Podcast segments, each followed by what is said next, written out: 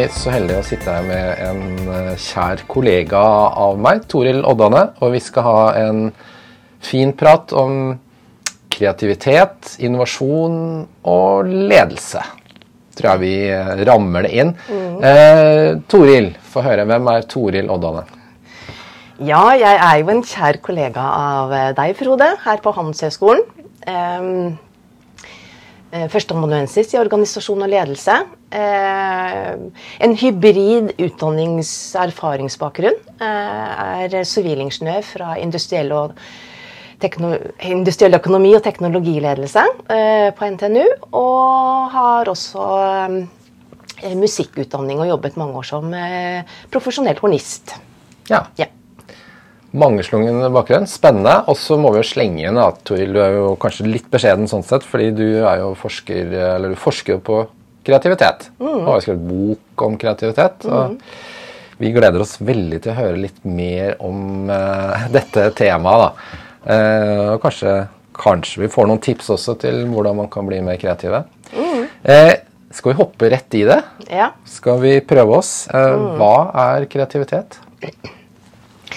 Ja, jeg kan jo begynne med det kjipe svaret.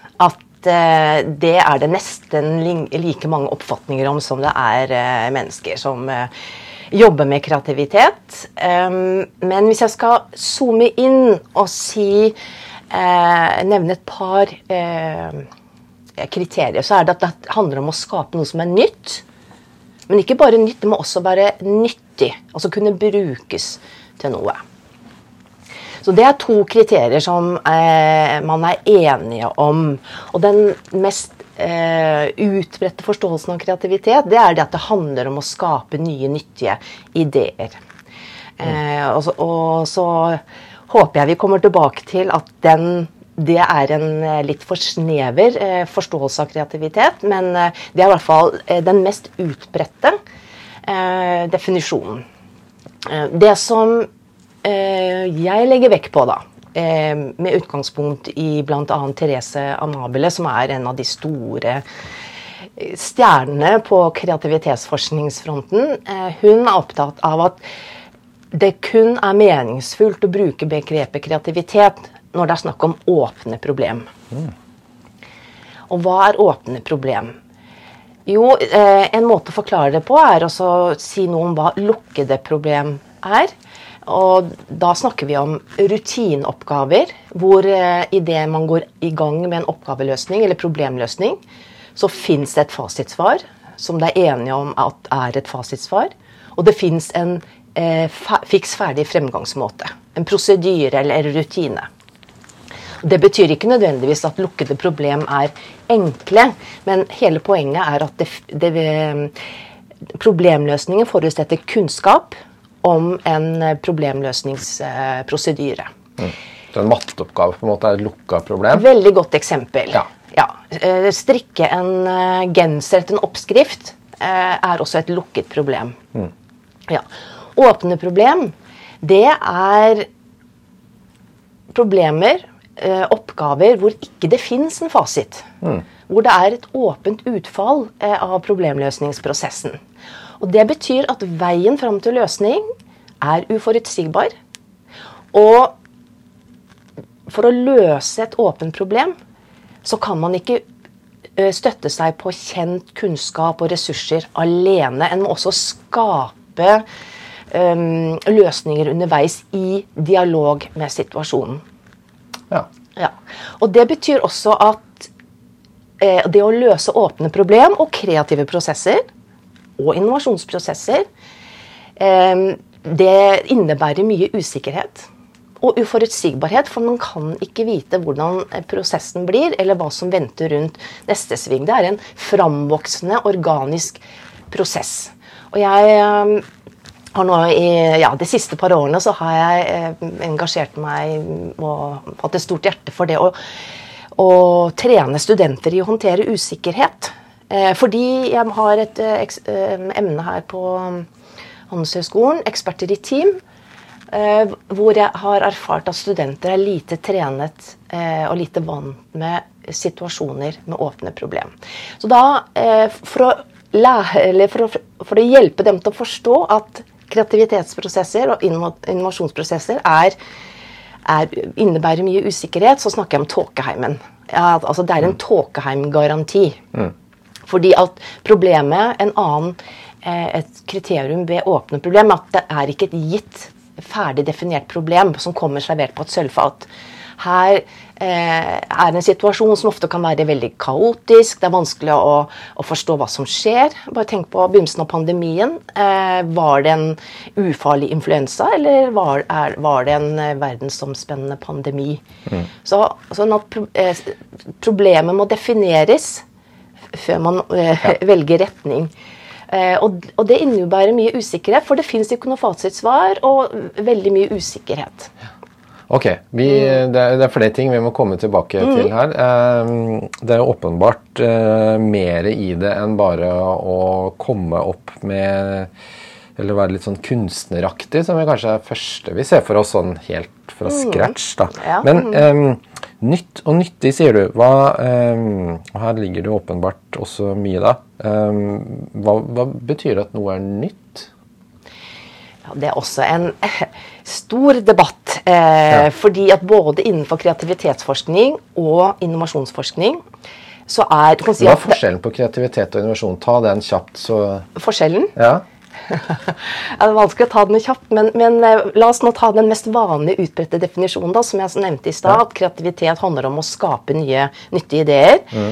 Eh, og da er innovasjon gjerne forstått som eh, prosessen med å om, gjø, å, omskape de til virkelighet. Ja. Altså implementere nye ideer eller kommersialisere ideer. Ja, ja Veldig bra.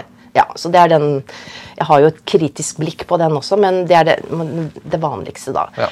Og så um, Nytt, ja. Men også spørsmålet om hvor, nye, hvor nytt noe må være for at det skal kvalifisere for merkelappen kreativitet eller innovasjon. Der er det stor uenighet. Ja. Og det er også en måte å skille mellom begrepene på.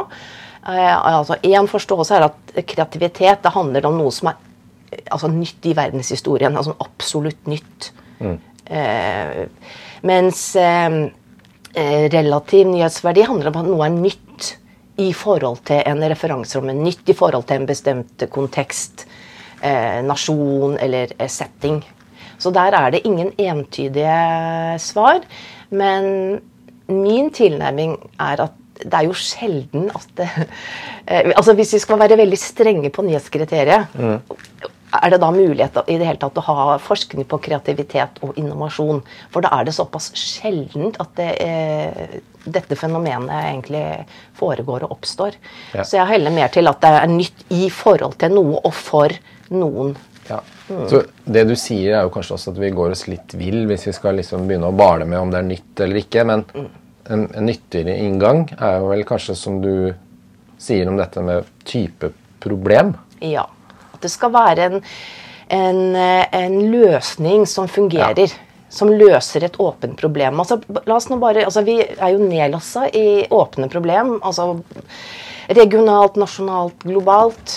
Klimakrise, eh, krig i Europa. Eh, ja, hvordan skal vi nå FNs bærekraftsmål? Hvordan skape fred? Eh, hvordan forhindre lakselus? Hvordan unngå ekstremt høye strømpriser? Mm. Studenter kan, tenker kanskje hvordan gjøre det best mulig på eksamen. Ja. Hvordan få barn til å sove. Altså, vi, vi er jo omgitt av eh, åpne problem i hverdagen. Eh, I, de, I, mange situasjoner. Og da er det noe med å finne ut ok, den, de etablerte måtene å løse dette problemet på, de funker kanskje ikke så godt. Så da må vi finne noen nye måter som kan uh, fungere og være nyttige. Ja. Mm. Så hvis vi bare sånn um, kort Og det er jo et spørsmål uh, altså Hva er kreativitet? Det kunne vi jo brukt et år på, mm. sikkert. Mm. Ja da. så, men i sånn løpet av ti minutter, da, så uh, nytt og nyttig, og denne nyhetsgraden er jo kobla til å gjøre noe annet kanskje enn det man alltid har gjort. Nettopp. På en eller annen måte. Mm. I et møte med et problem hvor det ikke finnes to streker under svaret. Ja. nødvendigvis. Og så, eh, når du sier det, så er det også noe eh, Det fins jo mange luk, altså, lukkede problem som kan åpnes. Fordi at alle lukkede problem er jo resultatet av et underliggende åpent problem. Um, når jeg underviser om dette, her, så pleier jeg også å vise en, et klipp fra Eides språkshow, eh, Sportshjørnet, eh, om hvordan Kongsbergknekken ble til. Og der er, Det grunnleggende spørsmålet er jo også om hvordan hoppe langt på ski.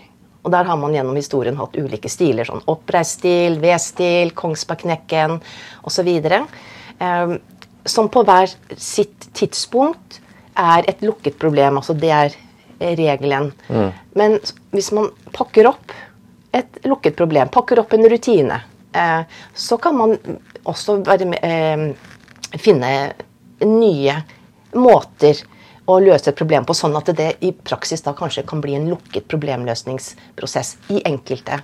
I noen tilfeller, da.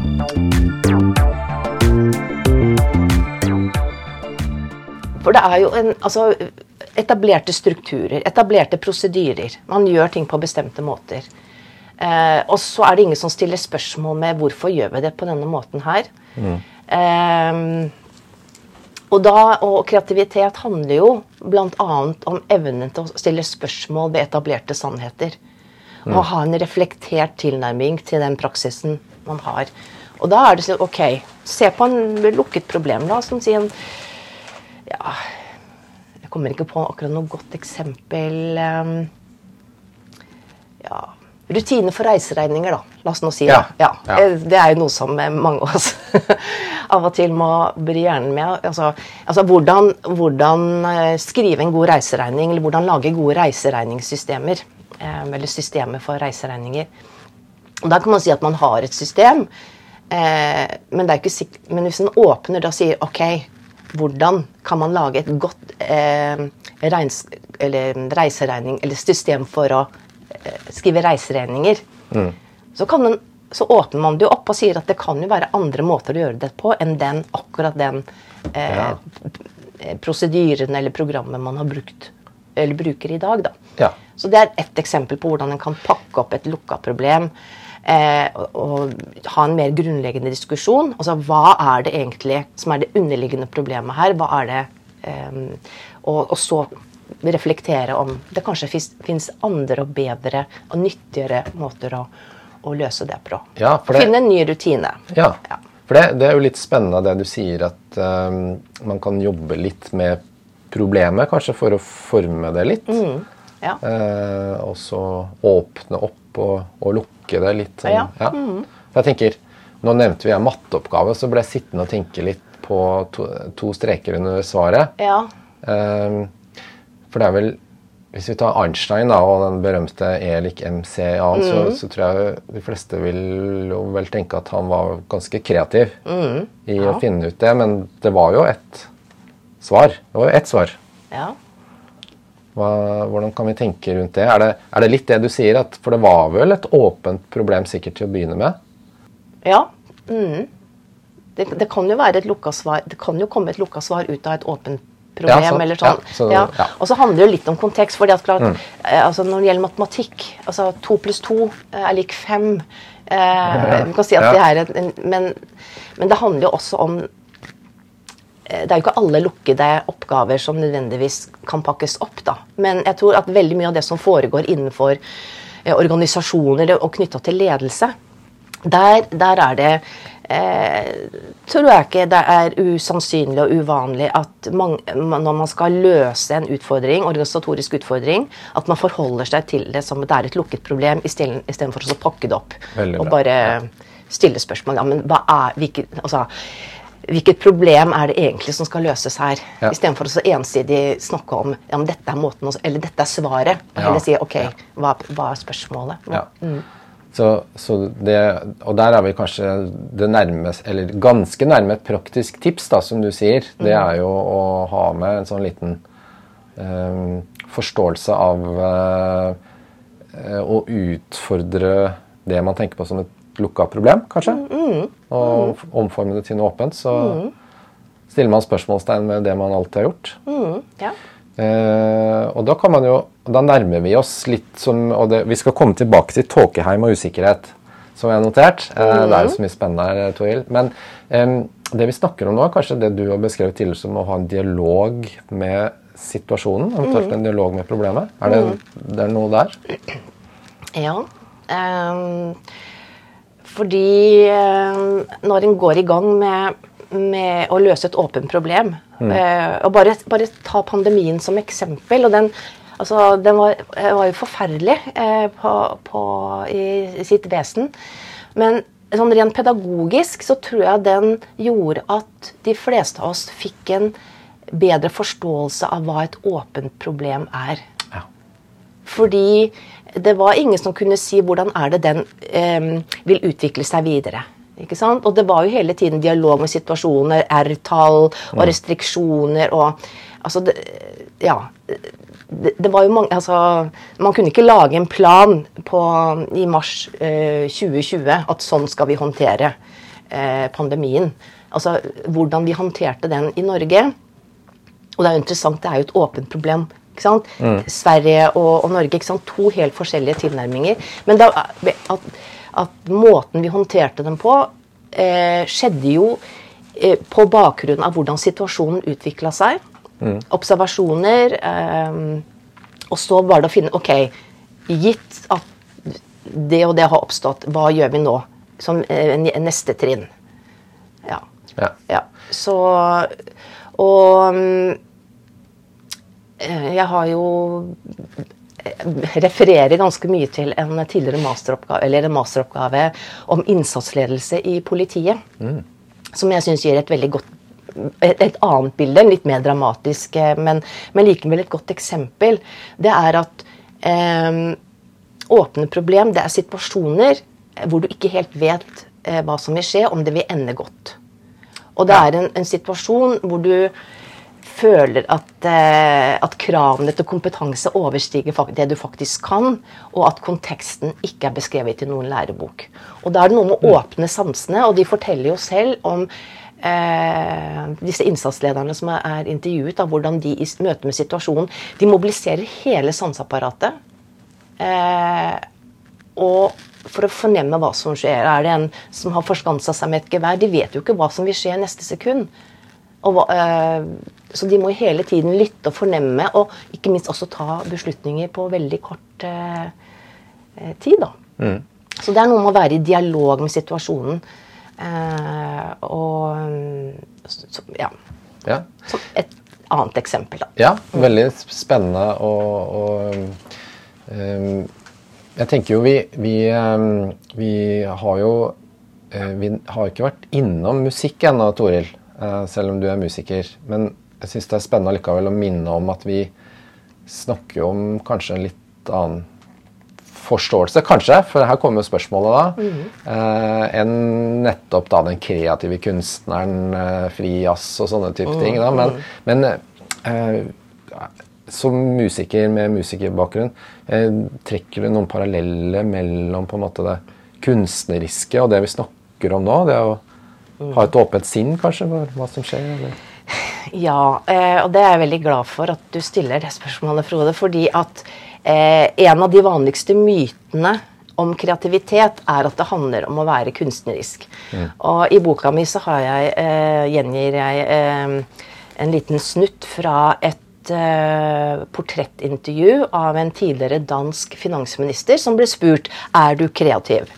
Uh, hvorpå han svarer nei, jeg er ikke kreativ, for jeg kan verken tegne, male eller synge.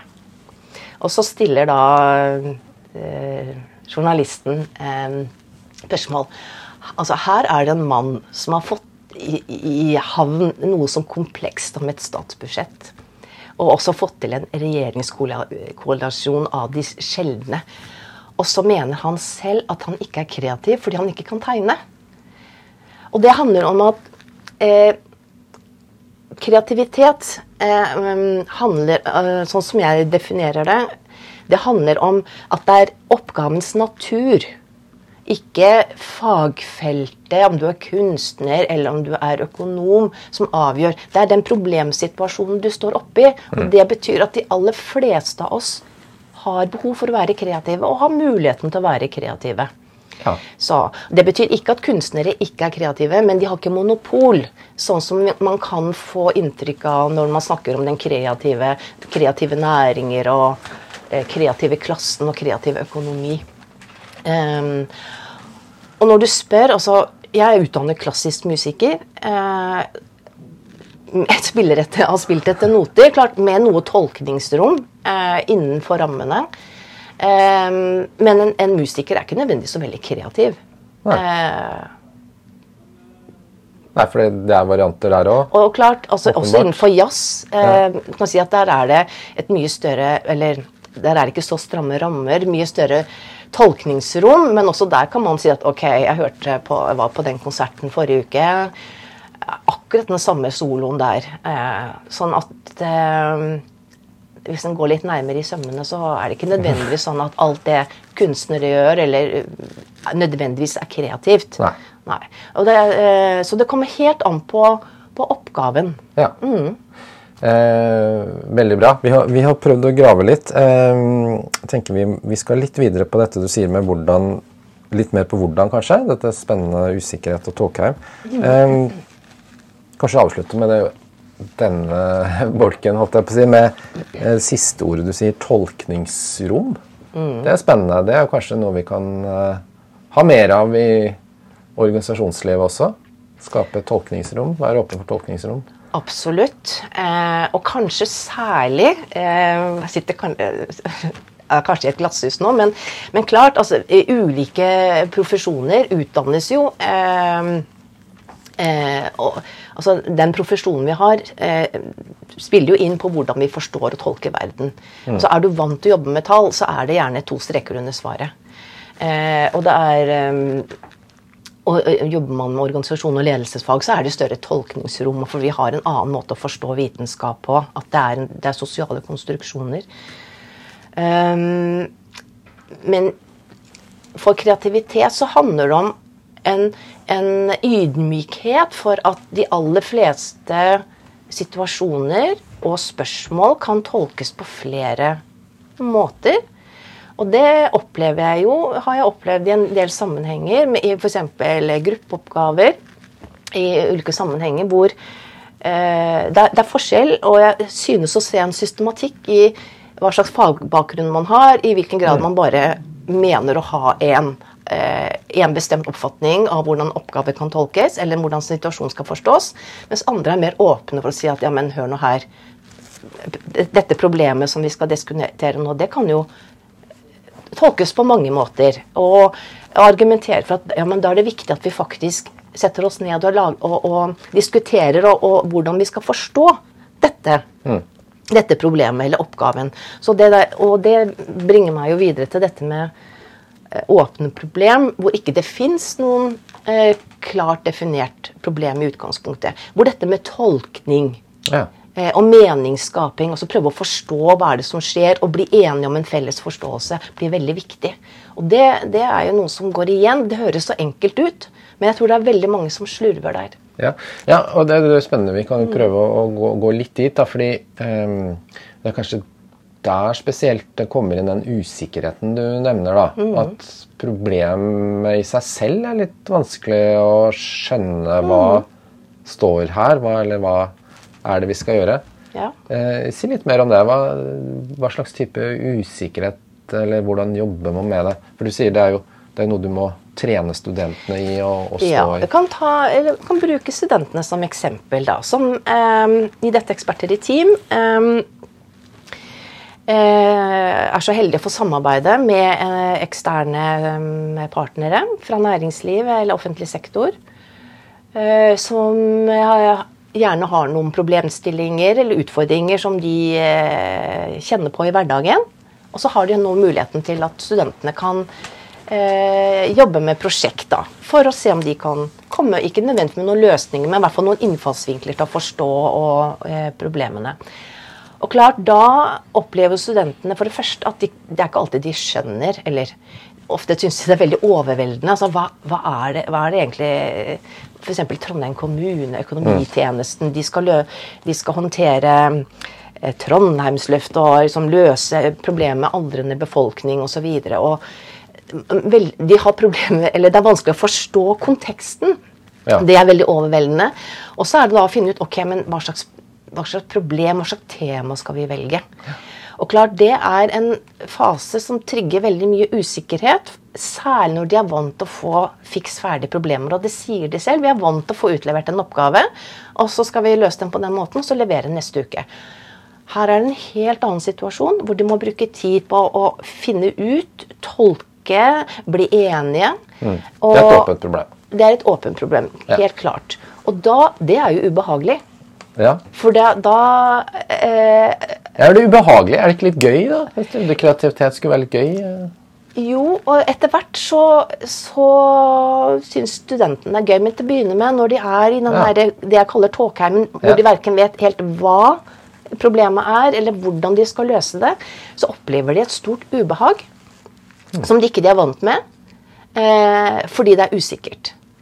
Men det som er interessant, det er at eh, når de får gått litt lenger ut i prosessen, så ser de tilbake at ja, men det her var jo faktisk veldig produktivt. Eh, jeg vet ikke om de bruker begrepet gøy. Da. Eh, nå har jeg samla inn ganske mye forskningsdata på det.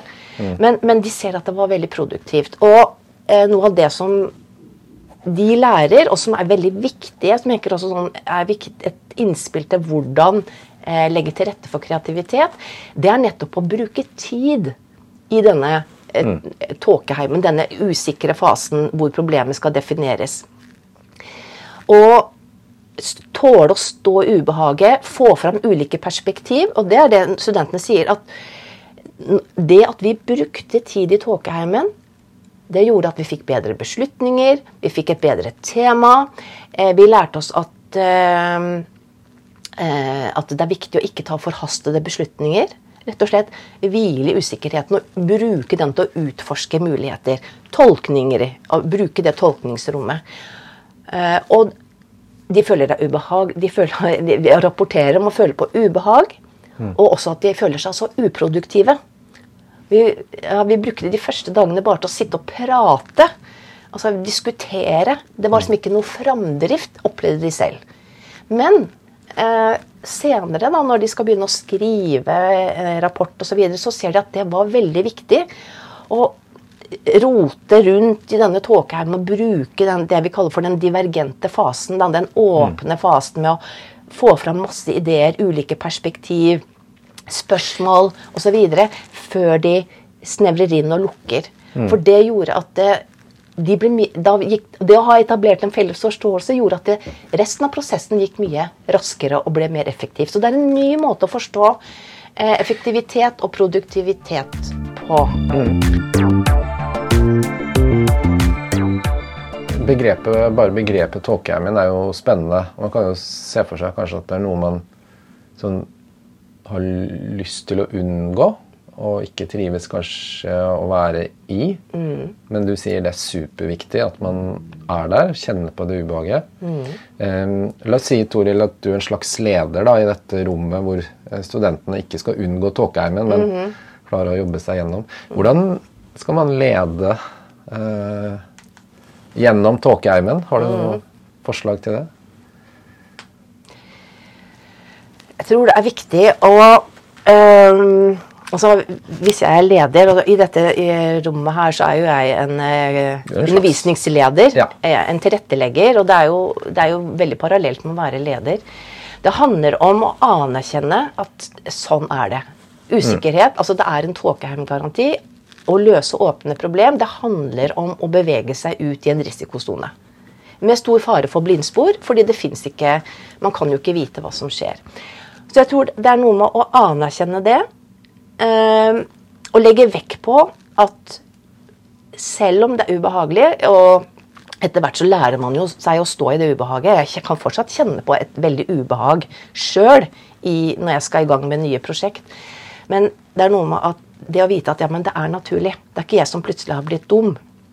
Og det, det er også det jeg formidler til studentene, at denne usikkerheten den er helt normal. Eh, og de sier også at det å vite at det er normalt, og at det gjelder for alle, og at det er lov å være usikker, det er til veldig stor hjelp. Mm. For da slapper de av. Da, da, stresser de ikke så mye. Da, da, virker det betryggende og beroligende. Som gjør at de får mer overskudd til å faktisk utforske dette kreative rommet. For det er jo der nøkkelen til kreativitet ligger. Når man utforsker og øh, Altså at ikke det bare er tåke, men også det er faktisk et veldig produktiv eh, usikkerhet. Så det, det er noe med å si det høyt, og også bli, måte, bli ekspert på hva, å, å, ikke vite. Um, ja. Jeg har av og til brukt et ord som forundringskompetanse. At um, for Vi vil så gjerne fortelle om hva vi kan og vet osv., men når vi er i en situasjon hvor det er veldig mange eh, spørsmål som ikke vi har svaret på, så er det å stille spørsmål, kalle det dumme spørsmål, tørre å stille spørsmål, eh, og som leder skape en, et miljø hvor medarbeiderne tør å stille spørsmål, aldri holder noe tilbake i frykt for å bli plaffa ned eller latterliggjort eller på noen annen måte. Det er kjempeviktig. Eh, og da handler det om å være en god rollemodell og tørre å være sårbar selv også. For det er jo noe med at det utfordrer sårbarheten i oss.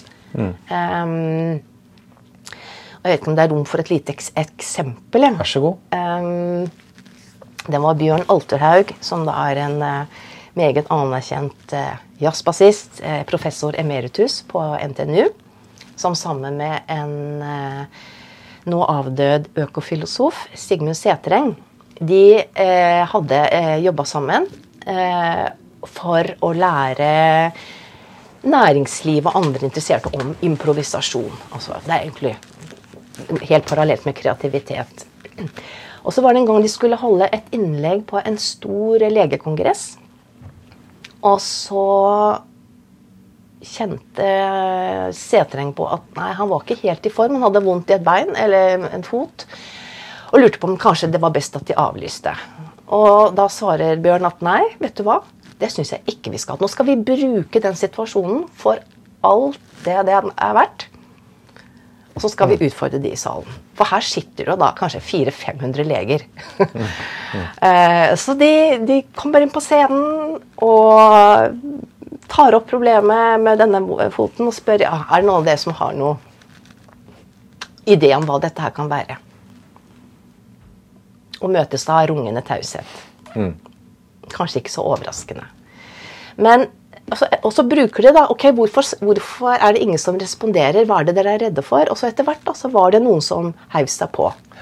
Men um, det er ikke noe typisk for den forsamlingen, men det er at vi er veldig redde. Eh, bare tenk på alle de gangene jeg sjøl, og det tror jeg gjelder for de aller fleste som har sittet i store forsamlinger, lurer på en ting og tenker at ja, det er ingen andre som stiller spørsmål. Dette her burde jeg sikkert vite. Og så kanskje er det noen da som stiller spørsmål, og så kjenner du lettelsens sukk i hele forsamlingen. Så der er redselen for å dumme seg ut, redselen for å tape ansikt, det er en kreativitetsfiende. Det er viktig å stille spørsmål, og ha mot til å stille spørsmål. Og der kan også en leder være en rollemodell eh, i seg selv, men også um, fremelske og fremsnakke det her med å og at her, her, er det rom for å stille spørsmål. Vi, er, vi, vi skal bygge et psykologisk sikkerhetsnett som gjør at folk tør eh, å si fra hvis det er noe de lurer på, eller tør å si fra om det er noe de kjenner på som er ubehagelig eller, eller feil, men at de tør å komme frem med sine meninger og perspektiv. Eh, det er Mm. veldig, veldig viktig Ja. for å kunne være kreativ. Mm. Ja, så, så i bunn og grunn tørre å gi slipp på kontrollen, som vi Nettopp. er veldig glad i, Ja. eh, alle mann. Ja. Um, opplever du Du var litt innom dette med tid. Um, opplever Eller hva, hva er hva er risikoen i Tåkeheim, da? Eh, altså, En som vi kanskje er innom, er at folk ikke liker det, så de kanskje prøver å unngå det. Eh, en annen kanskje risiko er at de bruker for lang tid der. Har du opplevd det? Si, si litt, grann, for du nevner tid. dette med, Og da mener du jo kanskje at man må ha en grense. Man må, man må jo ut av Tåkeheimen også etter hvert. Jo da, det, det må en. Så det er ikke noe poeng å bruke veldig mye tid der. Eh, eller, sånn, eller bruke mesteparten av tiden der, men å anerkjenne at man må, man, man må bruke noe tid. Ja. Og gjerne mer tid enn det en gjerne tenker på. Fordi at ubehaget som mange kjenner, gjør at en vil jo fortest mulig ut. For en har ikke kontroll. En vil gjerne komme til et sted hvor en har kontroll. Og alle studentene eh, sier at å, det var så fint når vi, For da føler jeg at de har framdrift, og da blir alt så mye bedre. Men det er noe med også eh, eh, altså balansere dette her, da. Eh, For den feilen som mange gjør, er at de bruker for kort tid. Sånn at den grønne fasen som åpner opp, blir veldig kort. Og da har en jo et smalere grunnlag å ta beslutninger på, og velge ideer eller tema ut fra. Men det er klart det skal balanseres i, i en helhet. Men jeg tror eh, det er flere eksempler på at student... Eller eh, mer generelt at vi, vi bruker for lite tid enn for mye tid eh, i tåkeheimen. Ja. Nettopp fordi det er som du sier, da. Eh, det, er, det kan være veldig ubehagelig, og vi er nødt til å slippe kontroll. Så, men det er jo også en lederoppgave å, å, å styre. og Hvis jeg skal komme med et veldig konkret eh, tips der, som er veldig lett å få til, det er jo å tenke på eh, Det kan være f.eks. innenfor et møte. La oss bare si det skal være et møte på én time. Det skal være noe utforskning eh, av noen ideer eller temaer eller et eller annet. Og være oppmerksom på at vi kan forstå eh, vi kan tenke på, som, på kreative prosesser bl.a. som en eh, balanse mellom åpne faser, eller det vi kaller grønne eh, divergente faser, og røde eh, konvergerende faser. Og det som det er lett, lett kan skje, det er at som jeg nettopp nevnte, bruker for lite tid i den grønne. Eh, Et annet eh, vanlig eh, eksempel, og som også er tematisert i brainstorming, er det at det grønne og, og røde er opptrer samtidig. Altså, du kommer med en god idé, jeg plaffer den ned, har et analytisk blikk, istedenfor å oppmuntre til at ok, nå alle ideer er lov. Den er ikke-dømmende. Bare få masse opp på bordet. Så rent konkret går det an å finne en grønn eh, tusj. En sånn markeringstusj, eller ha et grønt ark, eller rød tusj, rødt ark, og så si ok, nå er vi i den grønne fasen. Et eller annet symbol som minner om at nå er alle ideer lov. På den måten disiplinere eh, prosessen. Og så eh, på et eller annet tidspunkt si ok, nå går vi over til det røde. ja. Ja. Og da, Du nevner jo ordet brainstorming, så vi ser jo for oss hva, det, hva som ligger i det. liksom Spinne opp masse ideer. ja. Hva skjer i den røde fasen? Er det da vi forkaster de vi ikke liker? Ja, da kommer det mer ra eh, rasjonelle, analytiske Ja. inn. Og det er også kreativitet. For det er mange som sier at det er bare den grønne fasen. Å skape nye, nyttige ideer. Ikke sant? Men også det er å ha et analytisk blikk. Det er også nødvendig for å kunne eh, komme fram til nye, nyttige løsninger. Så, og da, ja, da er det det at man velger ut. Eh, og, så handler det om altså, også ha et bevisst forhold til hvilke kriterier da, er det vi skal velge ut fra. Eh, og, og teste. Og, ja. så, det, så det er um, et sånt samspill da, mellom, Ja. mellom faser. Ja. Hvis vi går inn litt i situasjonen, Toril, og tenker ledelse så vi, begynner jo, vi er jo i tåkeheimen, hvor leder må, må på en måte vise seg selv som sårbar. Tåle å takle usikkerhet, tåle ubehaget. Eh, men vi har en ramme for når vi skal ut av tåkeheimen. Eh, eller grønn fase, da. Divergent tenking. Hva, hva blir så lederoppgaven i den røde fasen, tenker du? Hvor vi skal være Du nevner jo litt analytisk, rasjonell, kanskje litt streng. Men vi må ta bort noe som noen andre liker. Kanskje. Ja. ja, ja. Det, ja, og også ha et ehm, Ja, må jo være streng uh, i den forstand at det er noe som skal bort. Ehm, men også håndtere det, da. At uh, det kan være noen som blir uh, lei seg fordi at deres ideer ikke blir valgt. Men, men også eh, eh, ja, diskutere kriterier og involvere i altså, hvilke kriterier er som er viktige her. Sånn at, å forstå at dette handler ikke om personer, eller sånn, men så skape eh, eh, tenker jeg også en forståelse av at dette gjør vi sammen. Ja. Det er ikke sånn at det er Per og Pål og Anne og Lise som eh, altså Det var Annes idé som var bra, eller Lises idé som var dårlig, men at her er vi et fellesskap. Ja. Og vi skal hjelpe hverandre er og, og løfte det opp til, til teamnivå. Og så da hjelpe hverandre til å så, eh, ja, ta noen gode beslutninger, da. Ja. Men klart, det vil jo alltid være konflikter altså, og, og vanskelige ting. I, sånn at eh, det kan kanskje av og til høres litt sånn rosenrødt ut når en snakker om kreative prosesser og, og, og man snakker litt om ideale situasjoner, for det er jo alltid Ja. Det vil alltid være kryssende interesser, eh, potensielle konflikter osv. Men det er også en, en, en lederoppgave da, å hindre at, at, ikke det, at ikke konflikter får lov til å sette demper på, på, em, på kreativitet. Og eh, hun, Teresa Amabile, som jeg snak, eh, som nevnte innledningsvis, hun er vel opptatt av det at en viktig lederoppgave, eller noe av det som er viktig for å fremme kreativitet, det er nettopp det å håndtere konflikter. Ja. Ja. Mm. Så um, ja. Ja, fordi nå eh, um, Vi eh, som lekmenn, holdt jeg på å si, vi havner jo fort i å tenke på kreativitet litt sånn som den grønne fasen som du nevner. da.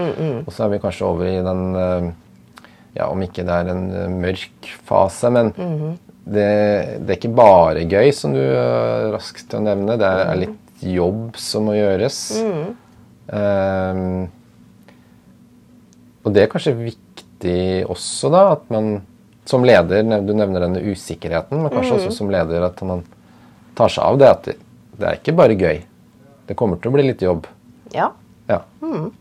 Det er mye, mye følelse for dette, fordi det er en det er å skape eh, noe nytt og nyttig på kanten av det ukjente. Det er risiko. ja, du får er uenigheter, og du får Uenigheter. Og der er det noe med at altså, eh, vanlig, eh, Jeg har lyst til å bare si litt grann mer om konflikter. For Mm. vi tenker ofte på konflikter som noe som er ensidig negativt.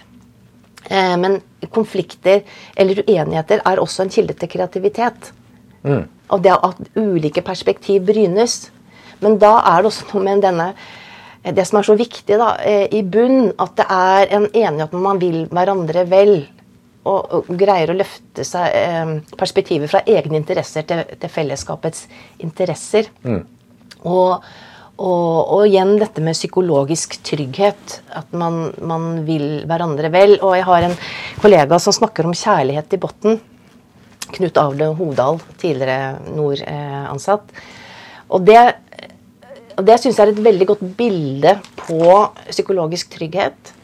Eh, det handler ikke bare om å være snille og ville hverandre vel og rosenrødt og, og harmoni, men det handler også om å være så trygge på hverandre at man kan utfordre hverandre og være uenig. Men, en, men det er skapt en kultur hvor alle vet at vi vil hverandre vel. Ja. Ja. Det, det er viktig. Og i ja, og den er jo god eh, Fin å understreke eh, kjærlighet i bunnen. Eh, vi er enige om en felles intensjon. Ja. Så da kan vi lage Innenfor det rommet kan vi jo utfordre hverandre ganske mye. Ja, ja. Fordi eh, for mye Og der er jeg også inne på dette med et annet, en annen må, eh, måte ledere kan eh, legge til rette for kreativitet. Og da handler vi i dette her med prinsippet om nødvendig variasjon.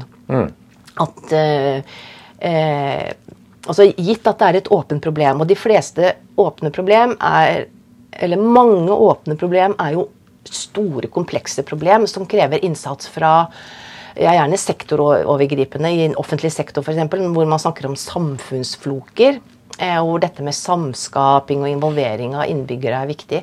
Men dette å legge vekt på mangfold, nødvendig variasjon, eh, som, og at sammensetningen, og- eller de som blir inviteres inn i å løse et åpent problem, at de til sammen har en kompetanse og variasjon av perspektiv som, gjør, som speiler kompleksiteten i den problemet de skal løse, eller situasjonen. Ja.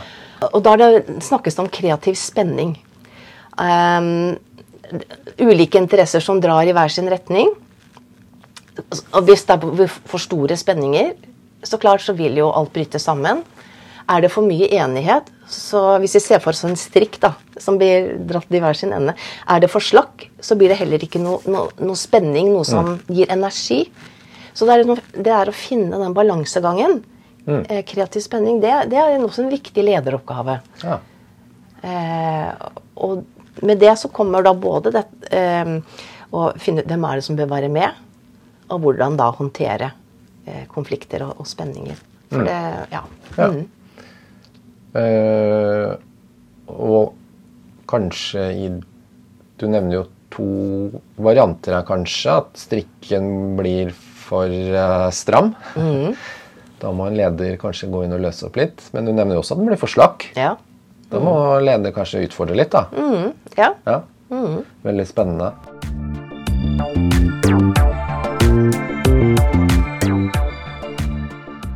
Skal, du skal få lov til å fortelle om eh, kremmodellen som du har utvikla eller videreutvikla selv. Men før vi går dit, Toril, jeg har lyst til å spørre deg. Um, lek og gøy. Jeg syns jo det er litt artig, fordi vi ja, ofte så havner man jo der, i sånn, hvert fall vi som er lekfolk, tenker om kreativitet. Mm. sånn Biljardbord på jobben mm -hmm. og mhm. Så i forpraten vår så spurte jeg deg om det, og så sa du ja, men det er kanskje ikke så dumt, fordi det kan være et såkalt kreativt brudd. Mm.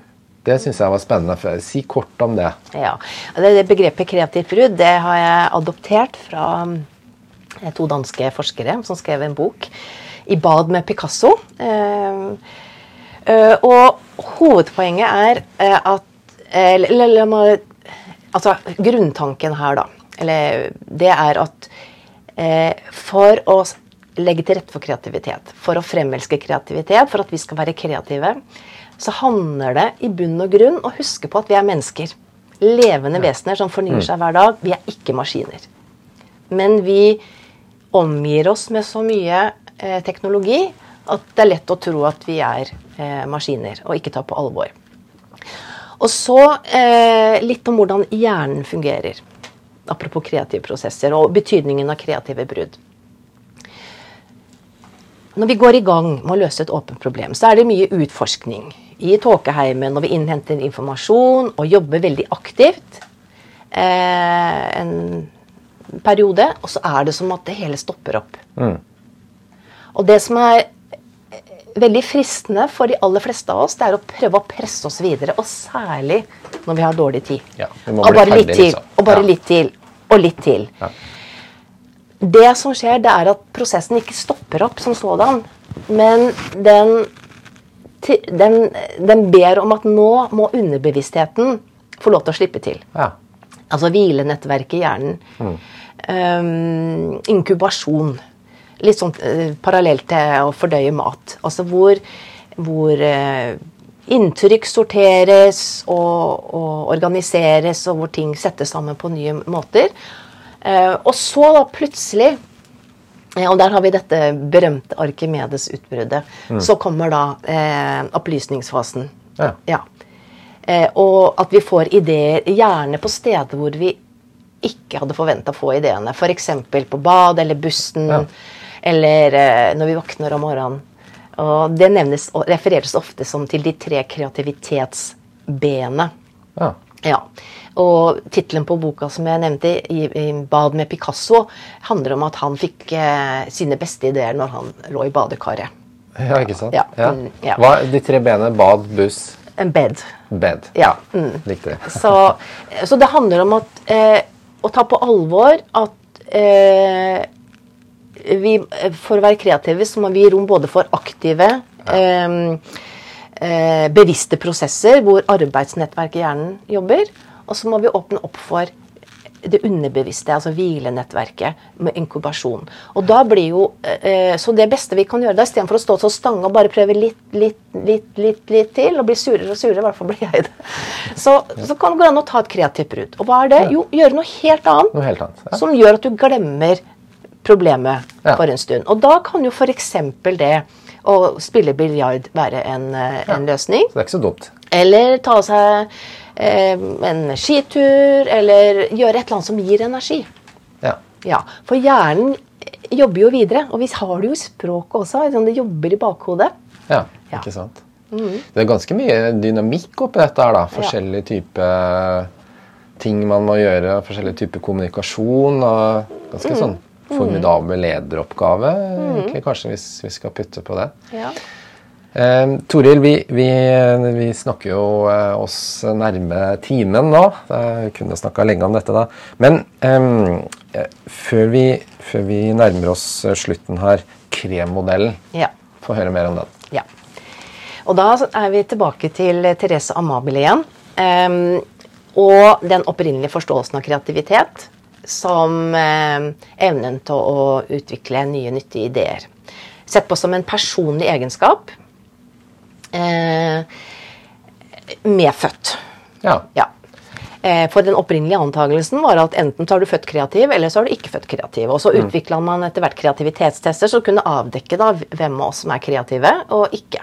Mm. Ja. Amabilis bidrag var mer en eh, sosialpsykologisk tilnærming eh, som argumenterte for at ja, men kreativitet ja, det kan han, eller det handler også, og til dels om medfødte talenter. Men det handler også om at kreativitet er noe som kan læres og utvikles ja. gjennom utdanning og erfaring. Ja. Det er trenbart. Det er trenbart.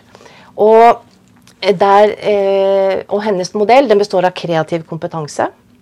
Altså bl.a. evnen til å utfordre etablerte sannheter, tenke ut av boksen. Mm. K-en, da, som gjerne har vært enerådende eller alene blitt forstått som kreativitet. Men eh, som også handler om kreativitetsfremmende vaner, sånn som det med ta kreative brudd, f.eks. Um, og så, eh, så er hovedpoenget, da eh, Nå bygger jeg jo på hennes arbeider. At ekspertise det er det, det faget ditt som er utgangspunktet for å være kreativ. Ja. Altså, Ingen kan være kreativ i musikk hvis ikke du kan noe om musikk. Nei. Så det er hjørnesteinen. Så det at en måte å utvikle evnen til å være kreativ på, det er jo å ja, utvikle mer fagkunnskap. Um, og noe annet som er viktig, det er også, som jeg fant i mitt doktorgradsarbeid, det var ta på alvor og bli kjent med den situasjonen Eh, og settingen eh, som, eh, for det problemet du skal løse. Altså kontekstuell ekspertise. Så det med kunnskap det er en viktig kreativitetskomponent. Mm. Og den tredje komponenten til Amabile, det er motivasjon. Ja. Og hun har en, en sånn klassisk, jeg vil nærmest kalle det en legendarisk artikkel fra 1988 som, med tittelen 'How to kill creativity'. Og hennes eh, spissformulering er at det er mye lettere å ta knekket på kreativitet enn å fremelske kreativitet. Ikke fordi at ledere nødvendigvis er imot kreativitet, men fordi de kanskje ikke forstår helt hvordan kreativitet kan fremelskes. Og hun snakker om, da, om viktigheten av å, legge til rette for motivasjon for kreativitet, motivasjon for å løse inn, eh, åpne oppgaver. Mm. Og da er det indre motivasjon som blir veldig viktig. Og så sier hun at motivasjon det er det, den komponenten som det er enklest å gjøre noe med.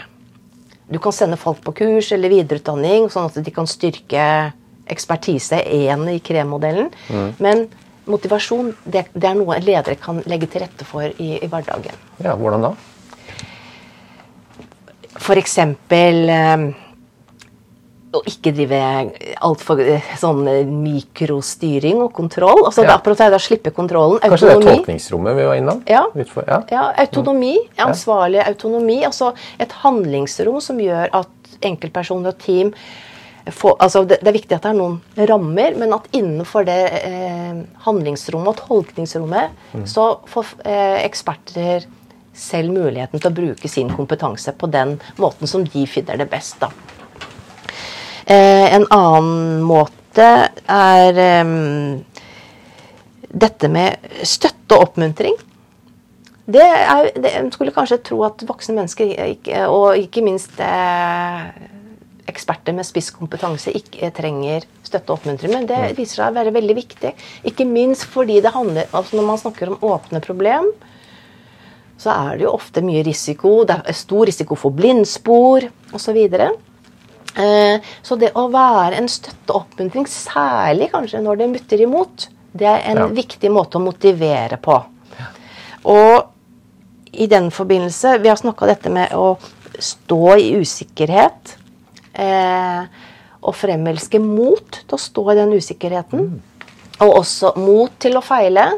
Eh, i bety altså, ordet egentlig, hvor ordet feil egentlig blir feil. da. For det er knytta til å lukkede problem. Feil i betydningen avvik.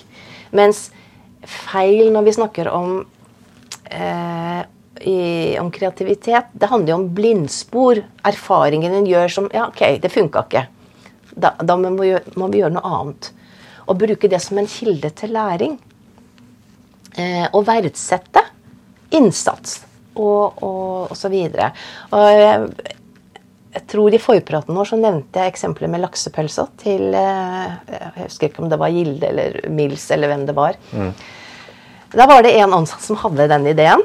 og Det her har jeg fra en uh, student. Uh, som da utvikla, eller fikk lov til å utvikle laksepølsa, som viste seg at det var jo ikke noe suksess. Mm. Men han, han, ble Altså, han ble Ja. Han fikk belønning for Jeg vet ikke om han fikk bedre lønn eller altså, Han ble i hvert fall på ingen måte straffa, men han, han, ble virkelig verdsatt for den innsatsen.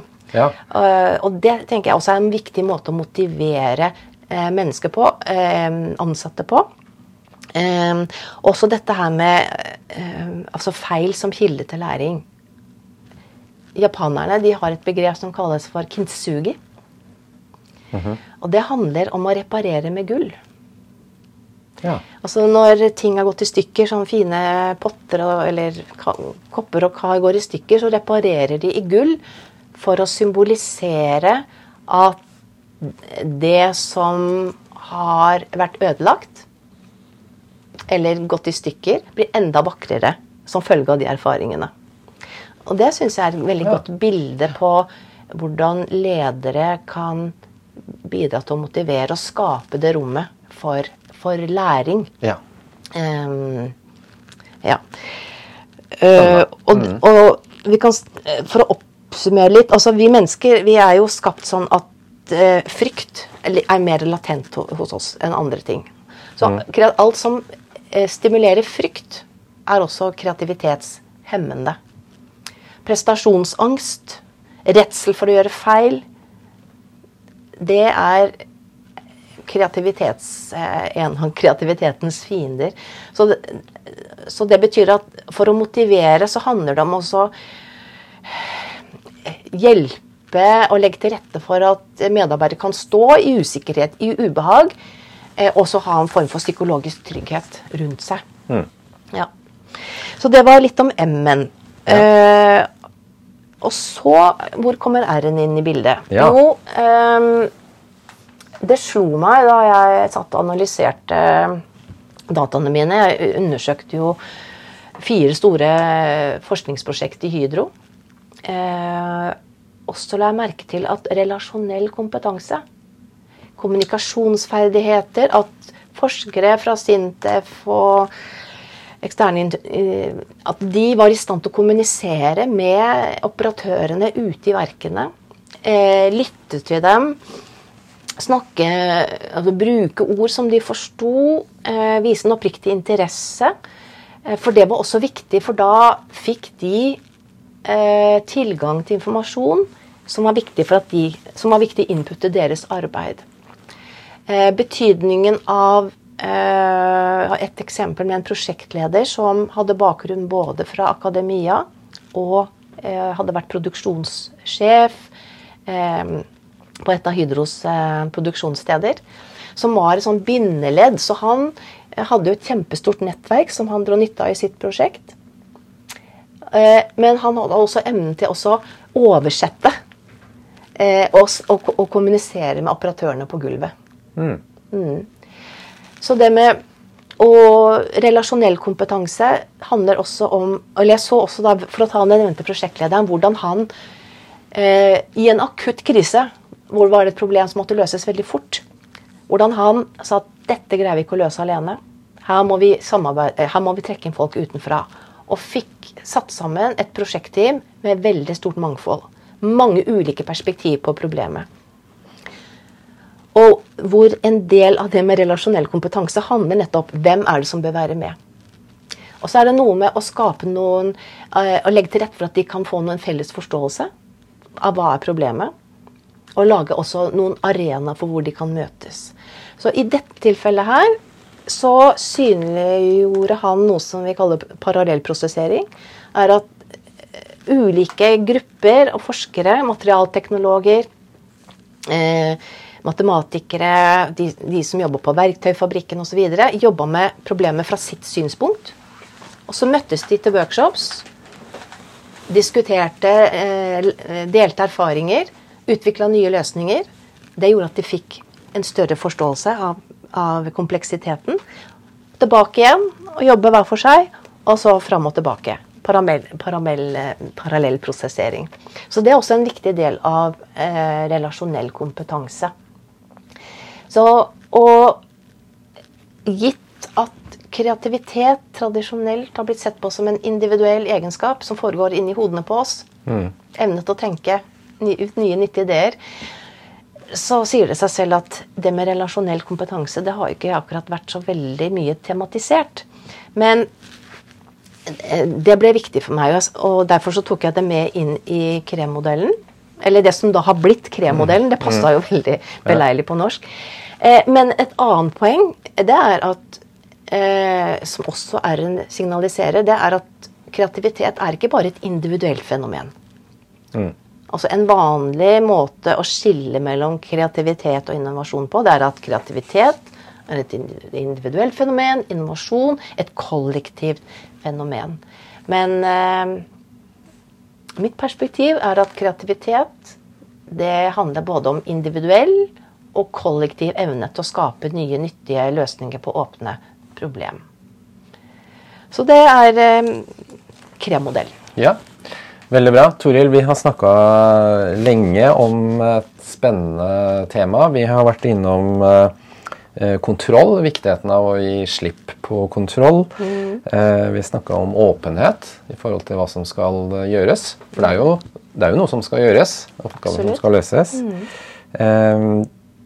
vi har snakka en del om relasjoner, faktisk. Det har jo mm. ligget under hele veien, egentlig, men mm. du blir sånn konkret på det helt nå mot slutten. Også mm. Hvor dynamisk egentlig dette er, da. Mm. Det er uh, veldig mange forskjellige måter å operere på. Så Veldig, veldig spennende. Um, har du helt til slutt, Toril, veldig kort, noen praktiske tips til de som har lyst til å jobbe med kreativiteten sin? Hvis de har lyst til å bli eh, en god kreativ leder, eller lede kreativt. Det er kanskje kremmodellen som vi var innom? Ja, den ja. kan brukes som et utgangspunkt. Men jeg tror at jeg eh, nettopp fordi jeg ser at det er så viktig. Jeg tror kanskje dette her med verdien av kreative brudd og pauser, også vekslingen, også dynamikken mellom arbeid og hvile, ja. som kanskje særlig er utfordrende nå i en tid hvor den hybride arbeidsmodellen er liksom den nye normalen. Så det med pausedisiplin klart, Det er jo ikke alle som har mulighet til eh, å ta pause når de vil i en arbeidssituasjon. Det sier seg selv. Men for alle som har mulighet, så kan jeg tipse om Pomodoro-modellen. Eller mm. teknikken, som jeg vet at ja. du også har brukt. Ja. Som rent konkret går ut på at du jobber i økte konsentrert, uforstyrra økte på 25 minutter. Fem minutter pause. Da snakker vi fem minutter, ikke noe mer. Repeterer det fire ganger, og så tar en lengre pause. Ja. ja. Men uansett, da. Det er, det er jo ikke noe fasitsvar på hvor lange arbeidsøkter en skal ha. Men det å passe på jevnlige pauser mange tenker at det er uproduktivt. Mm. Men det er faktisk veldig produktivt. Både fordi du et, legger til rette for kreative brudd, og fordi at du også tar på alvor at du er et menneske. Ja. Som har begrensa ressurser. Vi kan like det eller ikke, men sånn er det nå en gang. Ja. Så det å ha, eh, være bevisst eh, på dynamikken og balansen mellom arbeid og hvile. Og det gjelder også for møter. Altså når man mm. har møter, en, uansett hva en skal gjøre på møtene, å tenke gjennom eh, Hvor lange skal møtene være? Hvilke saker skal være først? Eh, og det å ha jevnlige pauser. Mm. Veldig bra. Tusen mm. takk, eh, Tore Lodda, for en spennende prat. Og det korte, praktiske tipset helt til slutt ta pauser. Ja. Tusen takk, Toril. Veldig hyggelig å få lov til å være gjest.